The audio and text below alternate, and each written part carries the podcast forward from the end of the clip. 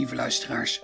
Welkom bij aflevering 50 van de Poëzie Podcast. Een mooi rond aantal dat ik niet zomaar voorbij wilde gaan. En daarom is dit een speciale jubileumaflevering.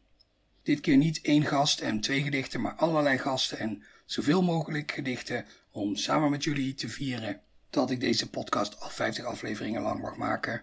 En in de hoop dat er nog minstens 50 achteraan komen. Ik ga een paar van mijn favoriete momenten uit de afgelopen drie jaar met jullie delen en ook een paar favoriete momenten van anderen. En ik wil graag beginnen, zoals ik deze podcast ook ooit begonnen ben, met Menno Wigman. Menno komt regelmatig in deze podcast voorbij en zo hoort dat ook, vind ik. Menno is er niet meer om zichzelf onder de aandacht te brengen en dus moeten wij het doen.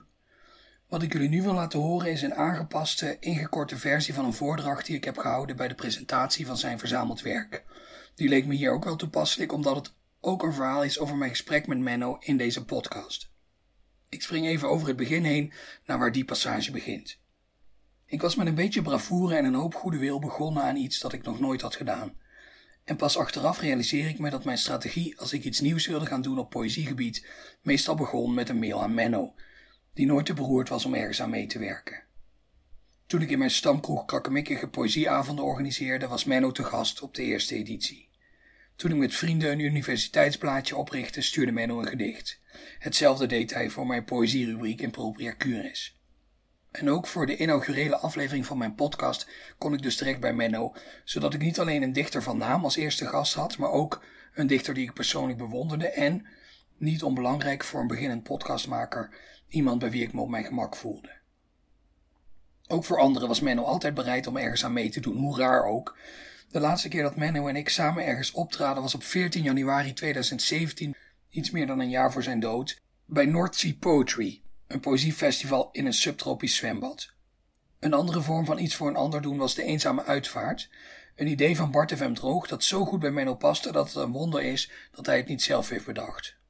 In de podcast zei hij daarover het een en ander dat me tot op zekere hoogte ook een uitstekende typering van deze avond leek. Degene die zich hier hard voor maakt is F. Starik. En um, hij doet dit al, nou, hoe lang? Iets van 14 jaar geloof ik inmiddels. Uh, en ik, uh, hij betrok mij vrij snel erbij. En uh, ja, het leek mij alleen maar een ja, meer dan humaan iets om inderdaad arme overledenen met een speciaal voor, voor hen geschreven gedicht toe te dekken tijdens de begrafenis. Al moet ik er wel eerlijkheidshalve aan bij zeggen dat het natuurlijk ook iets absurds heeft, want de dode zelf kan het niet meemaken. maar dat geldt natuurlijk ook voor bijvoorbeeld katholieke begrafenissen. Ja, wat de priester zegt, kan ook niet door de overledene gehoord worden. Nou, het is, ja, het is een gebaar, is het. Al was die avond behalve een gebaar en een meer dan humaan iets voor een arme overledene toch ook vooral voor de aanwezige zelf bedoeld. En dat brengt me op nog een reden waarom ik zo blij ben dat ik Menno als eerste gast had gevraagd. Waar ik wellicht niet zo actief bij stilstond, al moet ik me er op de achtergrond wel bewust van zijn geweest, is dat ik ook een stukje Menno heb kunnen bewaren door deze aflevering te maken. Ik wist toen al dat ik beperkte tijd had om Menno uit te nodigen, en in tegenstelling tot Frank Starik, de ene dode noemde daarnet de andere, is Menno me gelukkig niet ontsnapt. In het begin was ik nogal streng op de tijd en onlangs heb ik de ruwe audio van ons gesprek nog eens geopend om te kijken of ik in die strengheid misschien hier en daar een zijweg uit ons gesprek had geknipt. Een paar minuten extra audio waarvan ik het nu onzinnig zou vinden om die achter te houden. Maar ik ben nog veel dommer geweest dan dat. Ik heb met Menno keurig een gesprek van 26 minuten en 30 seconden gevoerd, die ik tot een aflevering van 23 minuten en 7 seconden heb geknipt. En die drie minuten tijdverlies bestaan vooral uit us, en verhaspelde zinnen. Ik had zoveel langer met Menno moeten praten. Wanneer iemand er niet meer is, wordt het soms bijna een beetje ongeloofwaardig dat je die persoon gekend hebt. Je vertelt verhalen door, bezoekt een graf, houdt een boek in je handen dat eerst van een ander was. Ik weet niet of het een vorm van imposter syndroom is, maar soms ga ik na verloop van tijd toch een beetje twijfelen of ik iemand wel echt gekend heb, of dat ik misschien heel graag wou dat Menno Wigman niet iemand is die ik bewonder, maar met wie ik ook over verwarmingsketels heb gekletst, bier heb gedronken of aan een tafel over Gottfried Ben heb zitten praten. Dan helpt het als je in ieder geval één van die dingen hebt opgenomen. Het gedicht van Gottfried Ben, waar we aan die tafel over spraken, had zomaar een onvervalste Wigman kunnen zijn. De beelden zijn aangrijpend raak, het thema is de dood en het einde is vol zachte berusting en aanmoediging. Lieve Menno, rust zacht, kleine Aster. Kleine Aster. Een verzopen bierbezorger werd op de tafel gehezen. Iemand had een donker licht lila aster tussen zijn tanden geklemd. Toen ik vanuit de borstkas onder de huid met een lang mes tong en gehemelte uitsneed, moet ik haar aangestoten hebben, want ze gleed in de aangrenzende hersenen. Ik bedde haar in zijn buikholte tussen de houtwol toen hij werd dichtgeregen. Drink je dronken in je vaas, rust zacht, kleine aster. We gaan door met een fragment dat door een van jullie is uitgekozen. Marijke de Vos, een van de 2059 luisteraars uit Rotterdam, vertelt wat haar is bijgebleven uit de Poëzie Podcast. Hallo Daan, ik uh, heet Marijke de Vos en ik wil sowieso zeggen dat ik enorm fan ben van de Poëzie Podcast. Um, maar het eerste waar ik aan moest denken toen je je oproep deed was de aflevering die je met Daniel Vis hebt gedaan. Ik vond zijn eigen gedicht echt heel mooi. En ook het gesprek wat jullie daarna hadden over hoe je de werkelijkheid waarneemt. En hoe je dat misschien juist als kunstenaar op een andere manier doet. Dat vond ik een heel interessant uh, gesprek. En uh, ga vooral zo door. Dat ga ik zeker doen, Marijke. Wie mijn hele gesprek met Daniel Vis wil horen en wat we zeggen over de werkelijkheid waarnemen, die moet aflevering 18 van de Poëzie Podcast maar luisteren. Voor nu is hier Daniels gedicht. Dus uit het gedicht 0, de secties 12 tot en met 15. De bril past niet precies, de plastic poten klemmen te strak om mijn hoofd. Als ik hem afzet, blijft er boven mijn oren een zwakke afdruk staan, twee rode strepen die bijna een half uur nodig hebben om compleet te vervagen. Ik weet niet wie er tegenover me zit. Ik vraag hem me aan te kijken en te vertellen wat het effect van de bril is. Het antwoord is belangrijk. Het is onmogelijk het effect zelf waar te nemen, zeg ik. De donkere glazen verbergen niets. Ik zie een hoofd met een bril op en ken de inhoud van het hoofd. We zitten dicht bij elkaar. Ik wacht. Hij knikt, oké, zegt hij. Iemand neuriet een ritme. Het ritme krijgt woorden, de woorden vormen een zin. Jim is een levenloos ding, Jim is een levenloos ding. De zin komt diep in mijn hoofd terecht. Het doet pijn. Het soort pijn dat je voelt als je met iets scherps in je huid krast, opnieuw en opnieuw met dezelfde beweging in dezelfde richting, zodat de kras dieper wordt. Jim is een levenloos ding. Jim is fysiek in mij aanwezig. Hij is op de plek waar het pijn doet. Hij houdt oogcontact van binnenin vanaf de plek waar ik hem zie. Mijn brein corrigeert het beeld omdat het voelt welke positie ik in de ruimte inneem. 15,6 mm van het netvlies tot de binnenkant van de lens, 3,7 mm door de lens, 2,9 mm tussen de voorkant van de lens en het horenvlies, 541 micrometer door het horenvlies. Ik wil weten wat het effect van de bril is. Ik wil de zin die ik hoor niet meer horen. Ik ben bang dat hij waar is. 20 millimeter tussen het horenvlies en de binnenkant van de glazen, 1 millimeter door het polycarbonaat plus een onbekende afstand door de coating, 70 centimeter van de buitenkant van de glazen tot de persoon die me aankijkt. Het enige wat ik hoef te doen, precies het goede moment vinden. Ik tel af. Het moment waarop het proces kan worden omgekeerd. Ik tik met een vinger op het tafelblad. Ik tik met de punt van mijn schoenzool op de vloer. De vinger verandert het tafelblad. De vloer verandert de punt van mijn schoenzool. Als ik stop zeg, komt er niets tot stilstand. Alsof iemand loopt en zich 180 graden omdraait zonder te stoppen.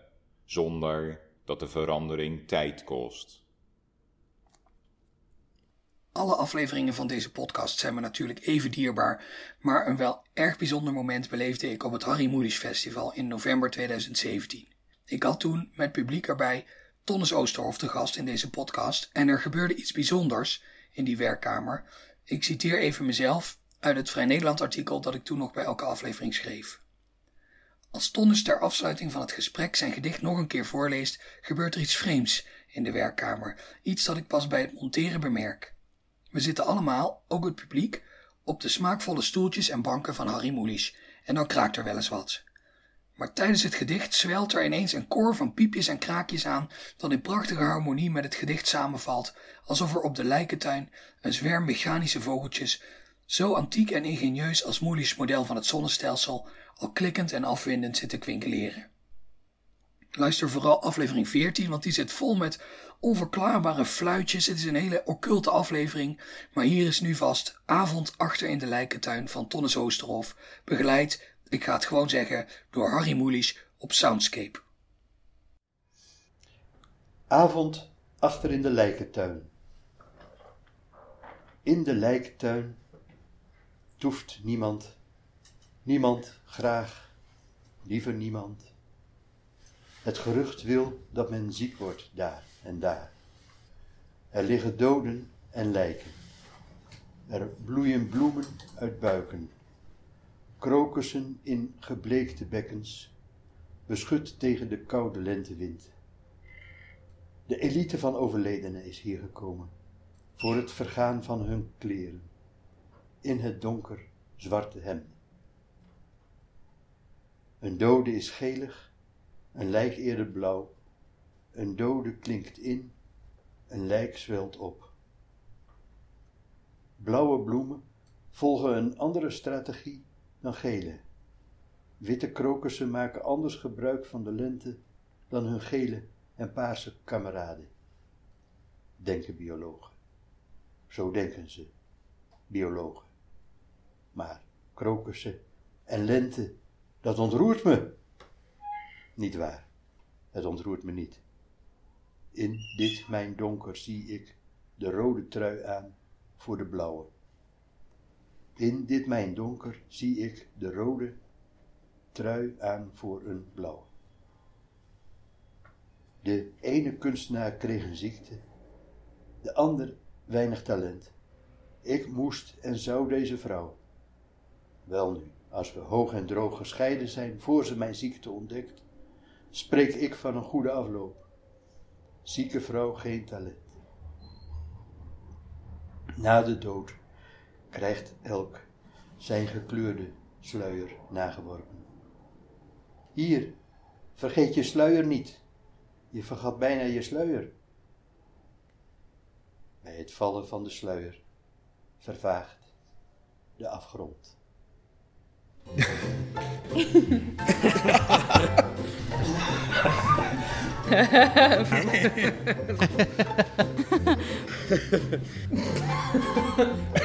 Zo is de kat niet.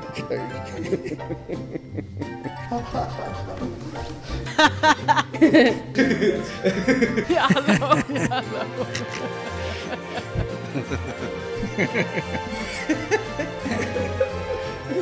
Ja, Dat was Peters klein jaar neus.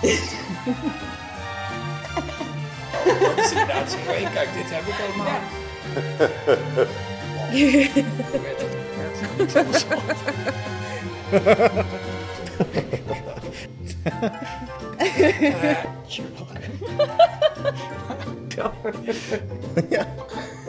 het is inderdaad een bruggetje, Daan.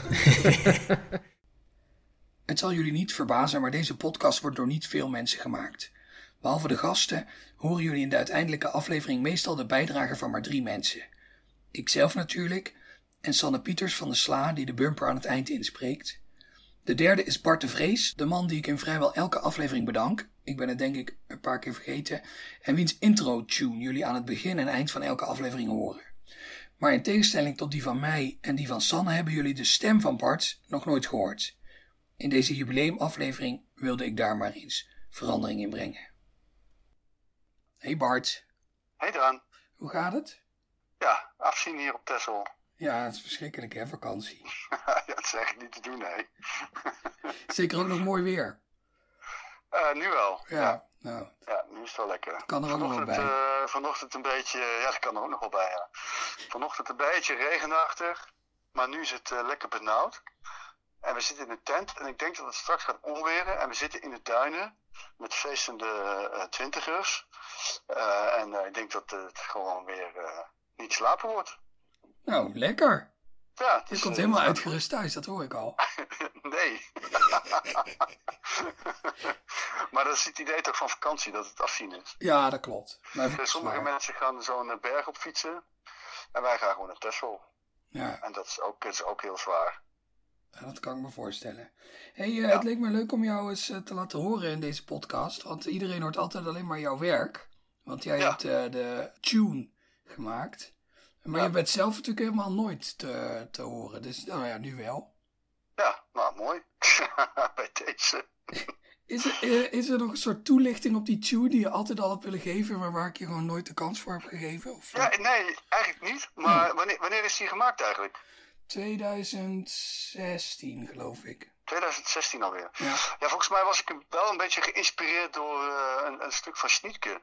Heel erg mooi, een soort wals. Uit de piano quintet van Alfred Schnietke. Eh, echt luister daarnaast, heel mooi.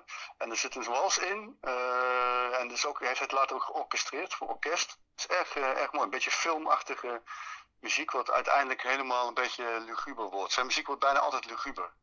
Eigenlijk een soort uh, Tessel, maar dan uh, in uh, muziekvorm. Dus eigenlijk dus een hele inspirerende omgeving hier. Ja, inderdaad. Nou, Dat dat is meteen een, een, mooie, een mooie tip.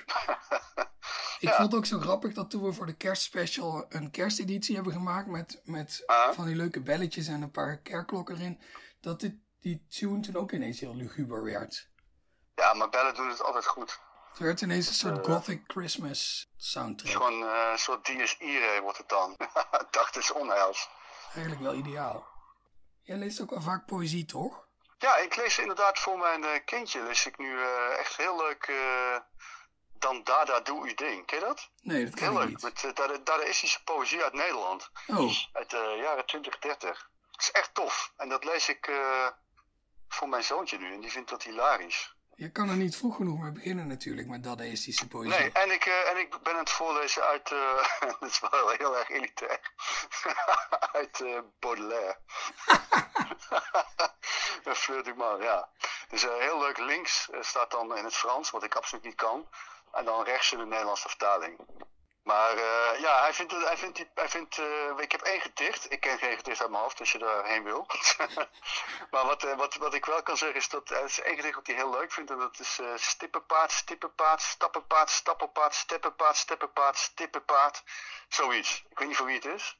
En dan, uh, maar dan met, weet je, je kent wel die daar is met verschillende fonts en allerlei grootte. En dan hoe groter de letter, hoe harder je het natuurlijk moet uitspreken. Hoe luider, dus dat, dat doe je dan als hij gaat slapen, dan moet hij heel vaak hard lachen. Het is very typisch dus, dat jij dan poëzie voorleest die, die op een soort partituur lijkt. Ja, het is inderdaad zo, want er staan ook uh, een paar van die uh, uh, gedichten in met kleuren. Dus je hebt dan rode gedichten, groene, ja, dat soort dingen. Het is echt een mooie uitgave. Nou, een, een muziektip een en een boekentip. Wat willen de luisteraars nog meer? Ja, nou, de stippenpaard heb ik even vakkundig om zeep geholpen. uh, maar die, die, hoe die precies gaat, weet ik niet. En ik heb hier op Tesla niet de beschikking over uh, beschikking, beschikbaarheid over mijn bundel. Nou, dus is ik kom niet in de rugzak, want wij reizen altijd zonder uh, auto. Voor extra gedoe. Ja, precies. Dus uh, dat, dat, ja. Nou, ja als iedereen gewoon stipperpaard en stepperpaard googelt, dan komen ze er wel, denk ik. ik weet het niet wat je moet googelen. Stippenpaard, steppenpaard. Ik weet ook niet wie de dichter is. Ben ik alweer vergeten. Een vrij onbekende dichter volgens mij. Er staan trouwens aan het eind van het bundel staan ook nog wat manifesten. Ook heel leuk. Kan je ook niet vroeg genoeg mee beginnen. Een manifest is altijd goed. Ja. Zeker.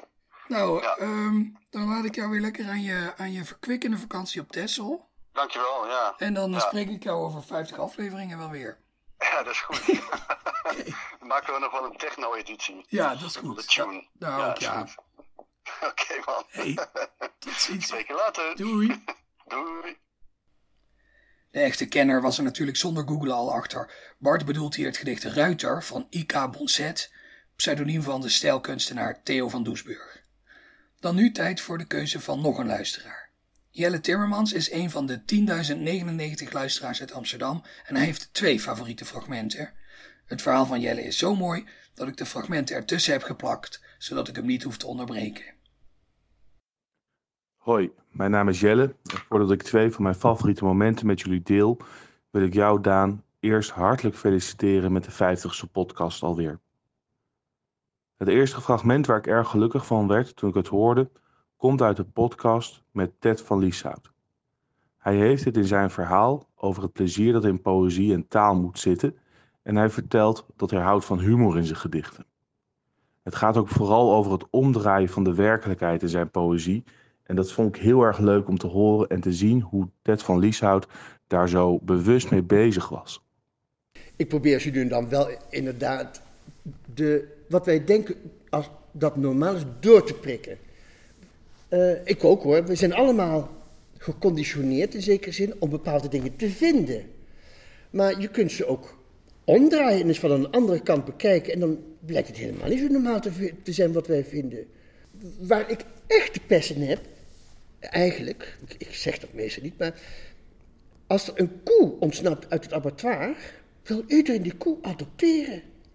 En dan denk ik, maar die koe wil je dan adopteren omdat je daar een soort mens in ziet. Want mensen ontsnappen ergens vandaan uit een gevaarlijke situatie en die wil je omarmen. Uh, ook, om nog een ander voorbeeld te geven, mensen zijn heel erg begaan met, uh, met paarden en met, met honden en zo. Maar muggen of uh, mieren kan ze helemaal niks schelen.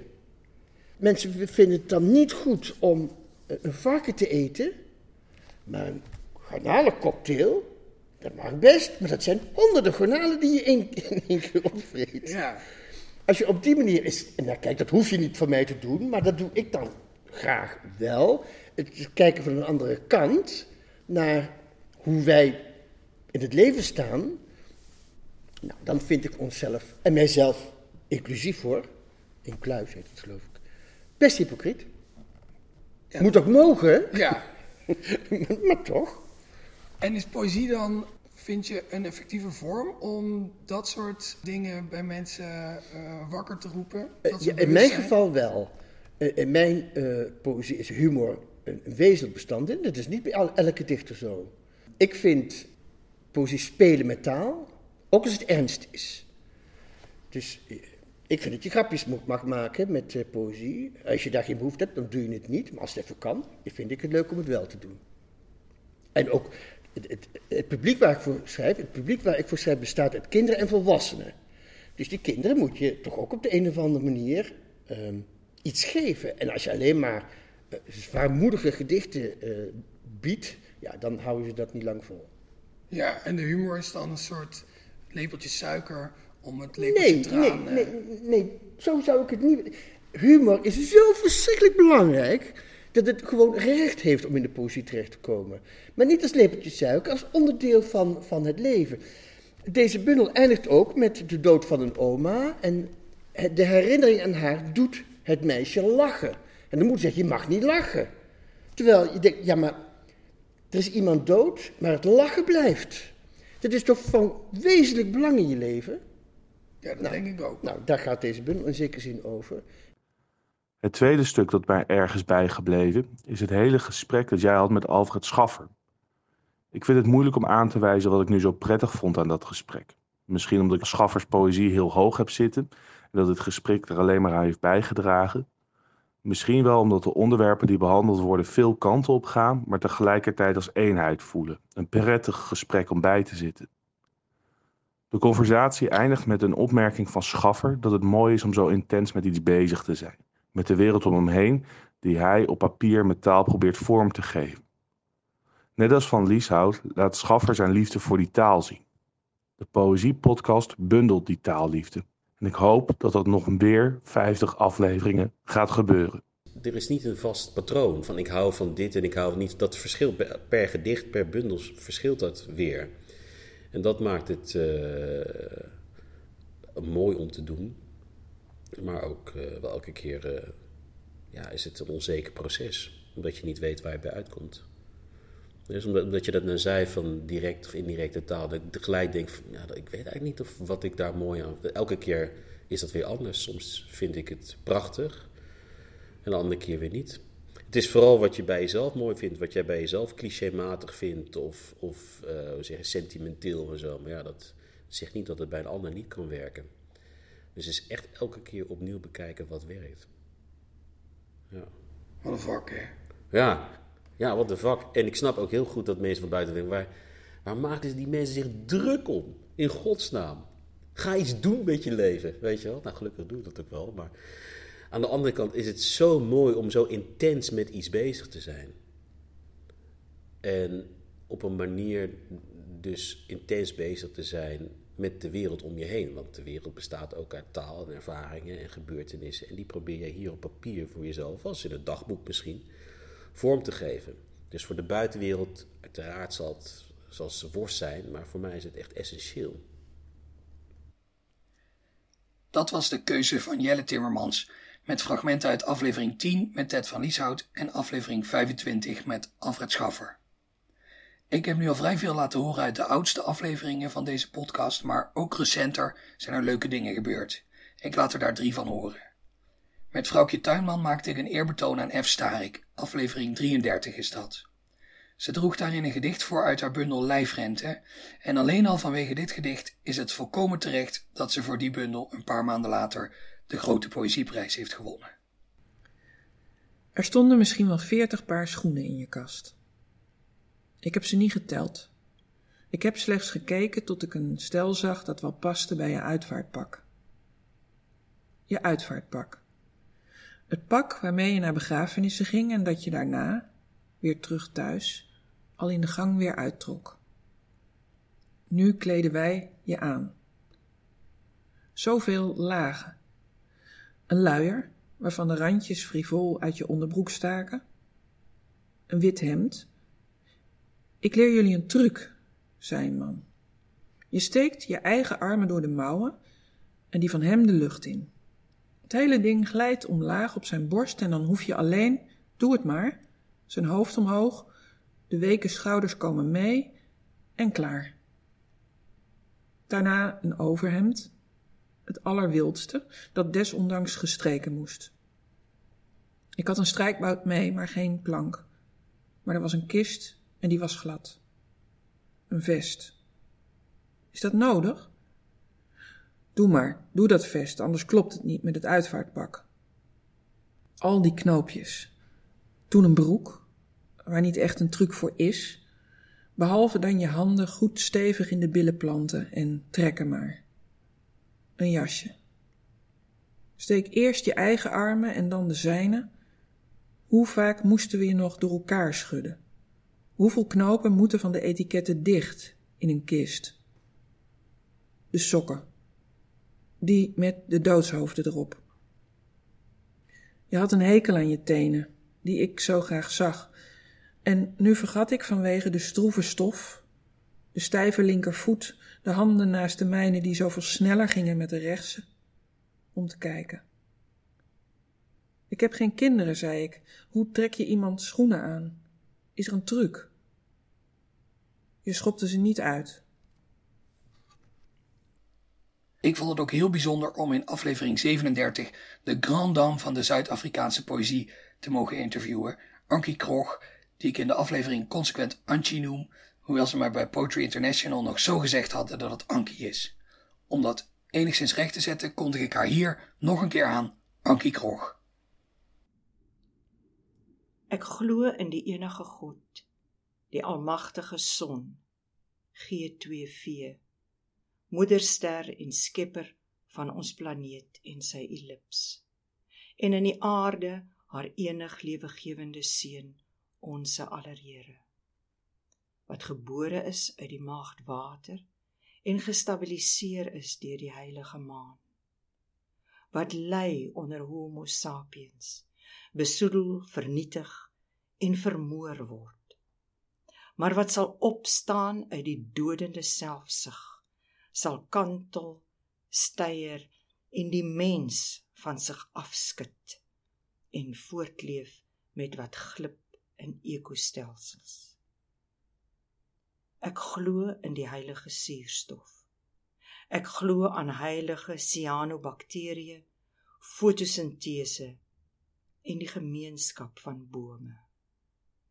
Die almag van water, die seeviering van die son, die wederopstanding van die planeet en 'n lewe van ewige omgee. Amen. In aflevering 41, nog maar negen afleveringen geleden, was ik in Leiden op bezoek bij Ilja Leonard Pfeiffer. Ik probeer me altijd zo min mogelijk te bemoeien met de gedichten die mijn gasten kiezen, omdat het echt hun eigen keuze moet zijn. Maar in het oeuvre van Ilja heb ik wel een onbetwiste favoriet waarvan ik stiekem hoopte dat hij die zou kiezen. En toen gebeurde er dit. Weet je al welke of is het nog een verrassing? Ja, nou, daar zat ik aan te denken. Het zijn een beetje lange gedichten natuurlijk. Heb jij een voorkeur? Of, uh... Nou, ik heb wel een onbetwiste favoriet in deze bundel, maar ik weet niet of ik daarmee oneigenlijk invloed uitoefen op het uh, verloop van dit gesprek. Maar ik ben wel voor oneigenlijke invloed. Welke is dat dan? Dat is, ik weet eigenlijk niet welke, want ze hebben alleen een getal, hè? Ja. maar het is die met, die begint met een duizelingwekkend lange zin over een, over een dame die een gesprek afkapt. tasjes samenpropt oh, in een plastic ja. zak. Ja, ja, ja. En die eindigt met vissers. Ja. Dat is nummer 16. Een goede keuze. Die had ja? ik eigenlijk zelf, zelf ook. Uh, dat was eigenlijk mijn tweede keuze. Dus okay. dat is perfect. En hij sluit ook inderdaad mooi aan bij het vorige gedicht. Het is hetzelfde soort uh, situatie. Dus dit is de zestiende idylle.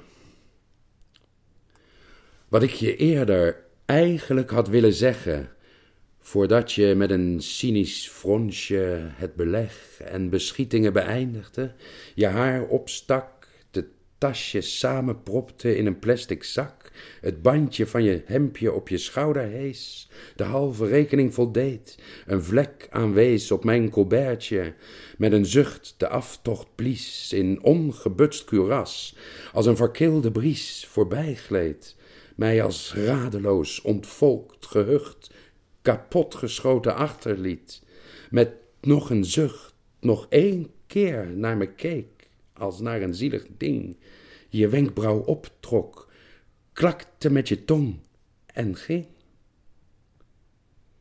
Was niet, ik houd van jou.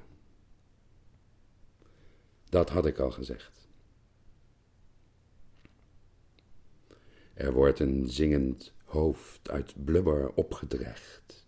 Een vette paling kruipt uit een van beide oren.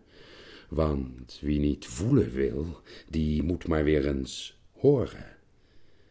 En wat het zingt, hoor ik dat vrouwenhanden zijn, die zinderend als groene dromen, zacht als pijn, het bleke lijf uit vel en zwarte kleren rukken, als groupies die waanzinnig aan de sterren plukken. Het is een simpel lied van stuk geschoten woorden, op steeds dezelfde drie ontploffende akkoorden. Geloof en hoop en liefde. Steeds weer deze drie, die alle drie precies hetzelfde klinken.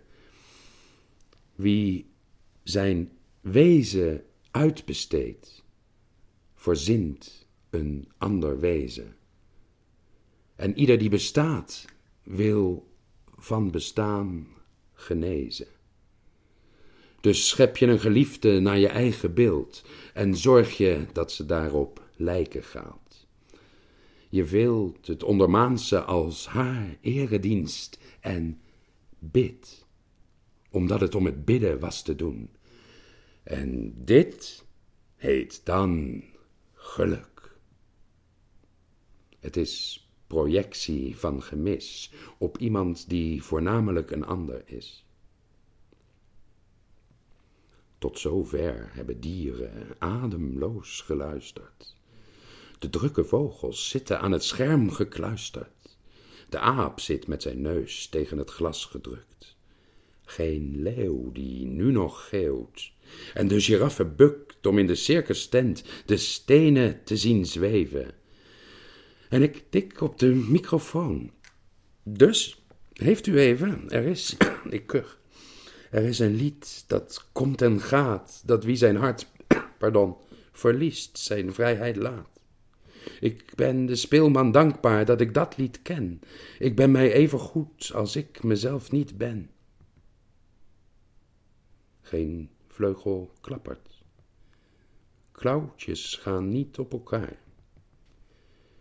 Als zelfs de dieren stil zijn, is dat een gebaar. De geur van blonde prooi daalt neer in de vallei als duisternis, en ik krijg jeuk aan mijn gewei. Als jij me zoekt, lig ik onder de mare tak te tellen hoeveel blonde polsjes ik ooit brak, totdat de furieuze groene dromen komen van bloedhonden die grommen achter jonge bomen in pisgeel bos.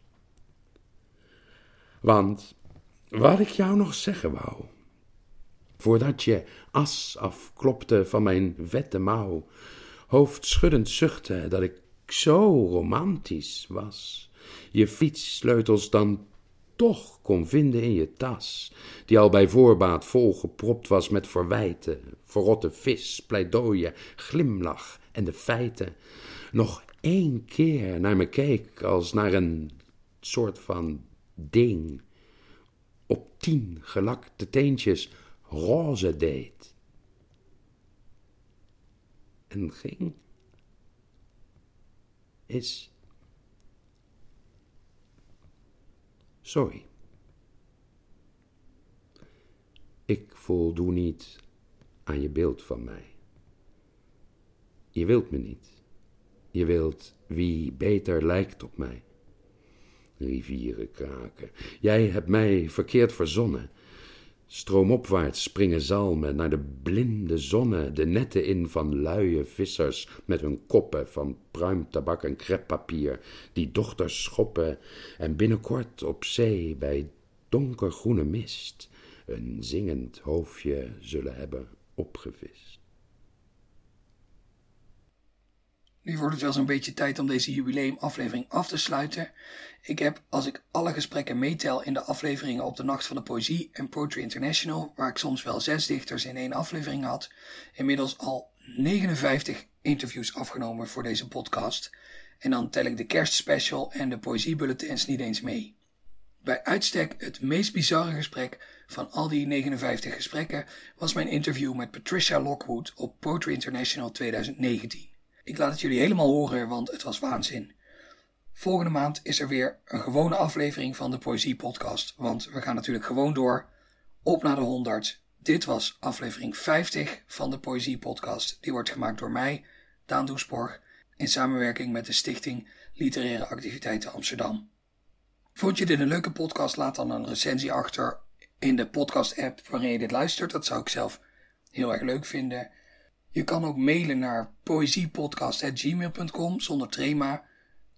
De muziek die jullie dus na mijn gesprek met Patricia Lockwood pas gaan horen, wordt gemaakt door Bart de Vrees, die jullie nu allemaal kennen als een dierbare vriend. Ik wil graag iedereen bedanken die de afgelopen 50 afleveringen te gast is geweest, mij op een andere manier heeft geholpen om deze podcast op te zetten en uit te bouwen naar wat het nu is. En ik wil natuurlijk iedereen bedanken die naar deze podcast geluisterd heeft. Ik hoop dat jullie van de partij zijn voor de volgende 50 afleveringen. En voor nu alvast graag tot volgende maand. And my third guest is Patricia Lockwood. Welcome, Patricia. Thank you. Uh, so before we start, apparently I'm going to try bubble tea for the first time. He's in going to try life. bubble tea for the first time. Did you even know this was in your city? I think I've heard of the existence of bubble tea before, But but, I never, never thought about it. tried it. or- Okay. Or, what it is. So it's so delicious. And so these these on the bottom these frogs spawn these um, little Yes. um like little eggs on the bottom. Those are the bobas. They're like tapioca pearls. Okay. So now suck some of that into your mouth and try to get one of the little tiny frog Okay. spawn. Is it licorice? No. Oh, okay. No. It's, it's, It's like a it's like a sweet neutral taste. Okay. Is there a sound to the drinking as well? Sometimes there is. Bubble yeah, tea so, sounds like a noisy drink. Right, right. So lean in a little bit and, and let let the here. people hear you.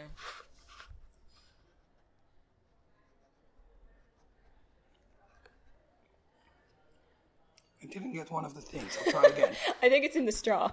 You have to suck super hard. It's super hard. Okay. Yeah. Mm.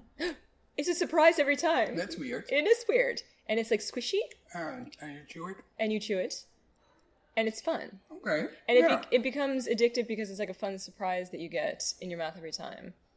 Yeah.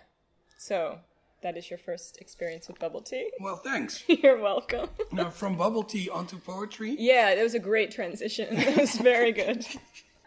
you brought a poem for us. I did. I absolutely brought a poem for you. Uh, do you want to read it first and then we talk about it, or do you also want to say something about it before we listen to it? No, I will just say simply that this is about jewels and gemstones, which I think are very universal. So even if it doesn't entirely come across, I think everyone knows what I'm talking about. Jewel Thief movie. I was so happy in the gem room. The sun was president. I was just dug up. All hell had shrunk to a sulfur crystal. Something danced on the point. It must have been me. I had a hundred faces, and one of them served up the ceiling in a perfect slice, like a twelve year old saint in some countryside where they only read Revelation. I had some small nugget of sense for once. I was a mind that understood the light. Rain rained in my aquamarine. The world's knuckles gripped the bedstead. I felt the red dynamiting of me in Missouri, where all outdoors was my candy store, where color sucked at its all day self and never became less sweet, less new. I want to put it in my mouth, said someone. I almost want to eat it. I had dozens of uses, but I was mostly flat beautiful. Visitors just gasped in the matte black room where I freely fluoresced.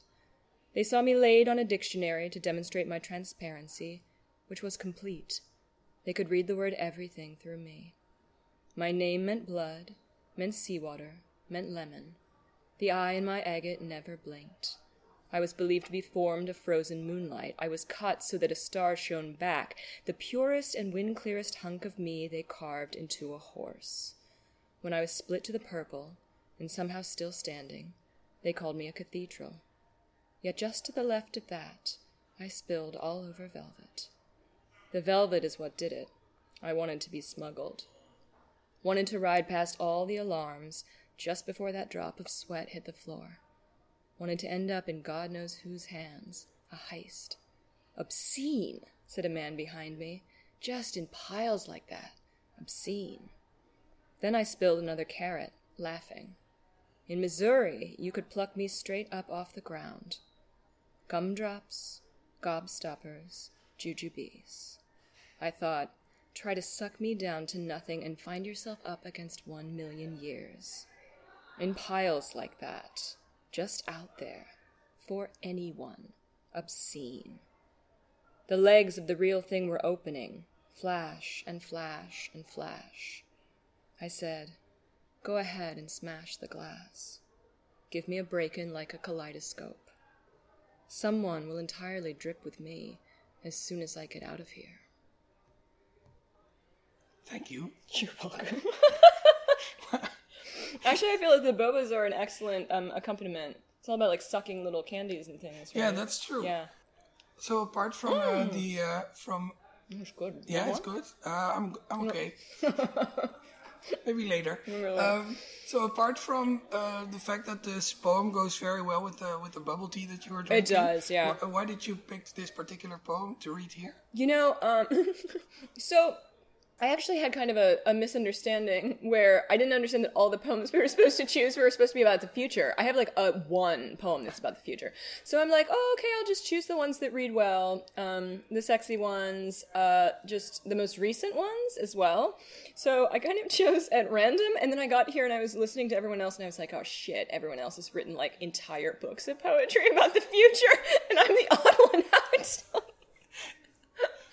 So, um, let's see. If we could stretch to make this about the future. Oh, well, someone will entirely drip with me as soon as I get out of here. That's something that's going to happen. So, that was what was in my mind when I chose this poem for the future themed uh, Poetry International Festival. Excellent. What I really like about the poem is that it's like there are a lot of tiny windows in there. For example, uh, the line about the 12 year old saint. Yes. It's really as if, uh, you know, just in passing, you're opening this window and you're going to look, there's an entire story here. I'm not Right. going to go into Right, it right. now, but it's there. You right, saw it. Right. Um, so a poem, it, can, it is like a corridor, maybe you're a hallway, and you go down and you are looking into little rooms. Or more specifically, it's maybe like The Shining, the movie The Shining, where you're wandering a hotel at night and you look through little cracks in the doors, and it's you know like a, a fellatio and twins in the hallway and things like that. It's what you choose to look into, which rooms you choose to look into. I guess that that, that make up make up the poem. But also, in a way, maybe it, this could be a very corny metaphor, but I'm just going to try I don't out. think it's going to be corny. I don't think any metaphor can be too corny when it comes to poetry. in a sense, it's also like the many facets on a on a, a, a much. gemstone. Mhm. So in Mhm. that way, it, it it fits the contents of the poem uh, very well. Yeah, and if you're writing a little bit about childhood, I grew up in Missouri and Ohio, um, but I'm writing about just Missouri here. And I grew up very religious, so a lot of the times the little glimpses you see of other rooms, you know, the 12 year old saint in some countryside where they only read Revelation, um, that is something very specific from my childhood, uh, dealing with the sort of religiosity that I was subjected to. Uh, and that is where the personal element comes into my poetry. It's, it's only ever really indirect in ways like that. It's little tricks that I bury are like Easter eggs.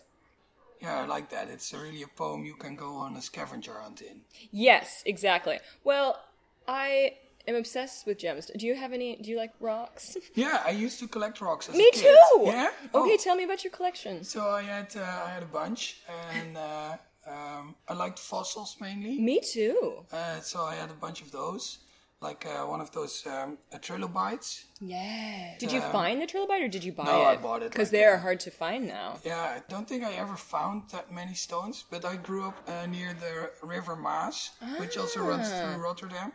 And uh, there I found some nice. I found a fossilized imprint in, in clay of a beetle. I like that a lot because I found it myself. Oh, I would love to see that. So I grew up in Hamilton County, which is actually like one of the most. It's one of the richest fossil deposits in the world That's outside of like country, yeah, right? yeah. Well, outside of Lyme Regis, um, there are lots of little like bivalves, corals, horn corals there. And my uncle had a farm, and you um, would go walking through this creek at the back of the farm. And they just, it, it, you just would find, you would look down and you could pick up a handful, and you know, three stones out of the stones you picked up would be fossils. And I had no idea that this was unusual. Um, to me, it was just uh, something about my childhood that I took for granted. But we later found out that it was like this extremely rich fossil deposit, and that this like um, this paleontologist from the local college uh, was sneaking into my uncle's farm at night and stealing fossils and like selling them to museums. So I don't know. There must be a metaphor in there somewhere for um, like poetry or how it prepared me to to look for things. I don't know. Um, little stones, picking things up.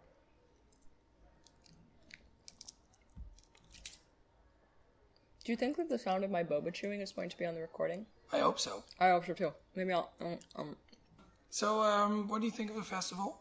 I love the festival. Okay, so I had no preconceived ideas about Rotterdam. I didn't really know what to expect at all. It is dope here. It is super, super dope. I love the food. And everyone who works for the festival is like the greatest ever. This is not always true. Sometimes people who work a festival are kind of weird. Uh, but here, no, that is not true. Everyone is completely dope. Hmm. Wait, we have to talk about Dennis and Yost. Oh yeah, because you promised it to them, right? I promised it to them, um, and they have a special request for you, which is to do some impressions. And one is the Tom Waits impression, and the other is the Sandstorm impression. And that one I already did. No! so do the Tom Waits, and then some other one that I don't even know you can do. Okay, uh, what do you want him to say? Read, um, I'm gonna cut this out. I'm just telling you right now. no, no, you're not. Read the last. Read from I Thought. Okay. In Tom Waits' voice. Okay, let me. Okay, let me get into it. Okay.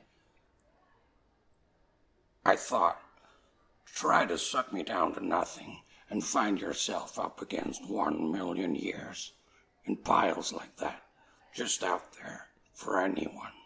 Obscene, the legs of the real thing were opening, flash and flash and flash. I said, go ahead and smash the glass. Give me a break in like a kaleidoscope. Someone will entirely drip with me as soon as I get out of here. There's no way you can cut that. That was so good. That's going to be like the best thing that's ever been on your podcast. Are you kidding me? God, that was incredible. How did you learn to do that? I, I figured he was probably the only person I could do with this Because your voice is very. Your voice has it always been that way? Like Yes. quite deep. Uh, well, As a child, course. was it this way? Yeah, but higher. Wow. Yeah, that was weird. It sounds cool. My little brother had like a really deep voice, like a businessman, even when he was a baby. Um, and no one knows why that's true either. So it was like little men just walking around with his fairy. Do you think it made you more serious to have such a voice? No, I'm not a very serious person. You're not a very serious person, but you're interested in poetry. I mean, Yes. that's that's serious. Yeah, that's kind of serious. Yeah. I don't know if it got me into poetry, but it really helped in uh, establishing a career as a performer. Uh, yeah, I bet that it fucking has.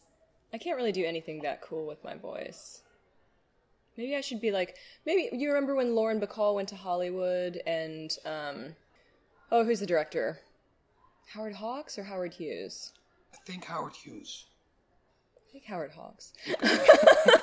and he made her go up into the canyons and scream for hours every day to lower her voice. Oh. Yeah, so that's how she got that like really throaty voice. And then you hear Lauren Bacall in a movie and you're like, that's what I should do to get that specific voice. But I never wanted to to damage my my vocal cords in that way, I guess.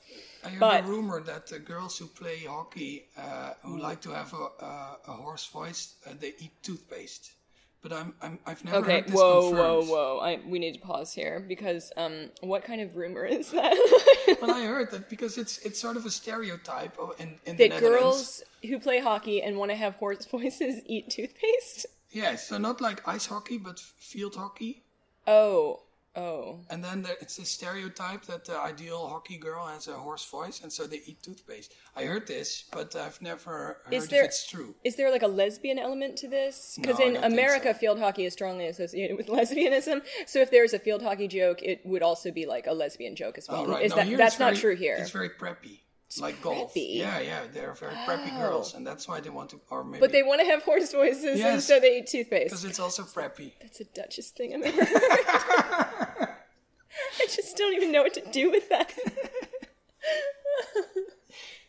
So um, uh, we haven't talked about poetry a lot. No, we haven't really Um, talked about it at all. A bit in the first half, but Yeah. do you want to read your poem again anyway? Sure.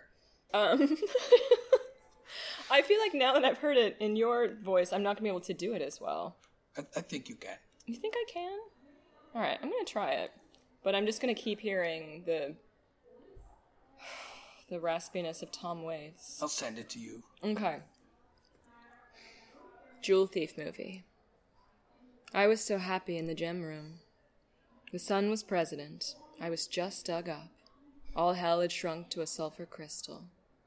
Something danced on the point. It must have been me. I had a hundred faces, and one of them served at the ceiling in a perfect slice, like a twelve year old saint in some countryside where they only read Revelation.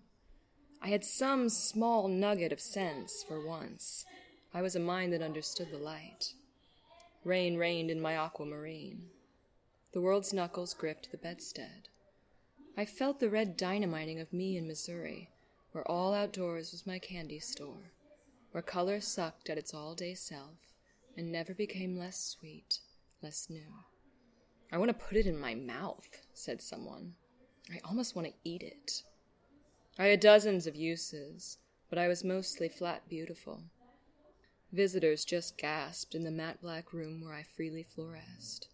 They saw me laid on a dictionary to demonstrate my transparency, which was complete. They could read the word everything through me. My name meant blood, meant seawater, meant lemon. The eye in my agate never blinked. I was believed to be formed of frozen moonlight. I was cut so that a star shone back. The purest and wind clearest hunk of me they carved into a horse.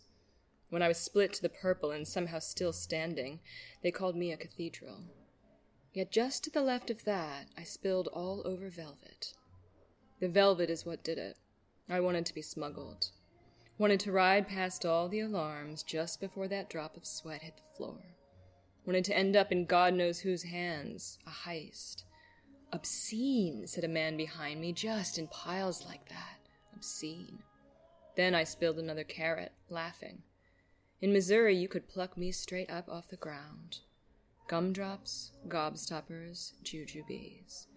I thought, try to suck me down to nothing and find yourself up against one million years. In piles like that. Just out there. For anyone. Obscene. The legs of the real thing were opening. Flash and flash and flash. I said, Go ahead and smash the glass. Give me a break in like a kaleidoscope. Someone will entirely drip with me as soon as I get out of here. she sounds very beautiful in the background. Yeah, but it's yes, nice. halfway and through it sort of goes with it. It sort of does. But then it went It's very sensual. Yeah, yeah.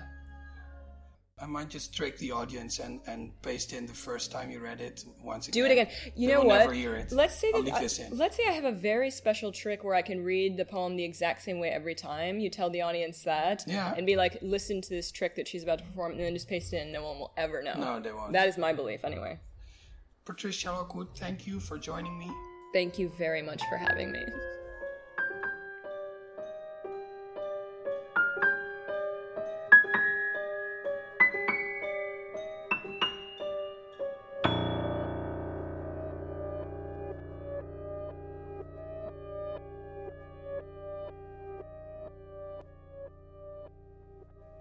Je luisterde naar een aflevering van de Poëzie Podcast.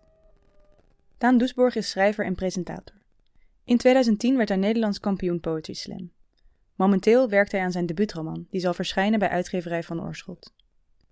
De Poëzie Podcast wordt mede mogelijk gemaakt door de Stichting Literaire Activiteiten Amsterdam. Bij ons draait alles om literatuur. We maken programma's voor de hele stad, online en offline. Al onze podcasts zijn ook te beluisteren via onze website www.sla.nl slash slaakast. Nou, nee, dat is goed hoor dat je dat doet. En het is eh, natuurlijk ook waar. Het zijn gewoon twee blokken die tegenover elkaar staan met een lijntje ertussen. Dus dat dat, dat eh, de spiegel representeert, dat ligt natuurlijk wel ergens voor de hand. Maar ik probeer wel ook eh, ervoor te waken. Er is hier een graafmachine aan de gang. En wel dingen aan het doen. serieuze dingen aan het doen. Ja, ik denk dat de, ge- de zijgevel eruit gebroken wordt. Oh ja. Maar ik vind het een compliment voor de isolatie van eh, Splendor dat we de graafmachine pas horen als hij ook echt gewoon De gevel begint af dingen te tegen de zijgevel aan het gooien is. Ja. Nee, dat is zeker goed geïsoleerd verder. Maar goed, waar, waar was je? De spiegel.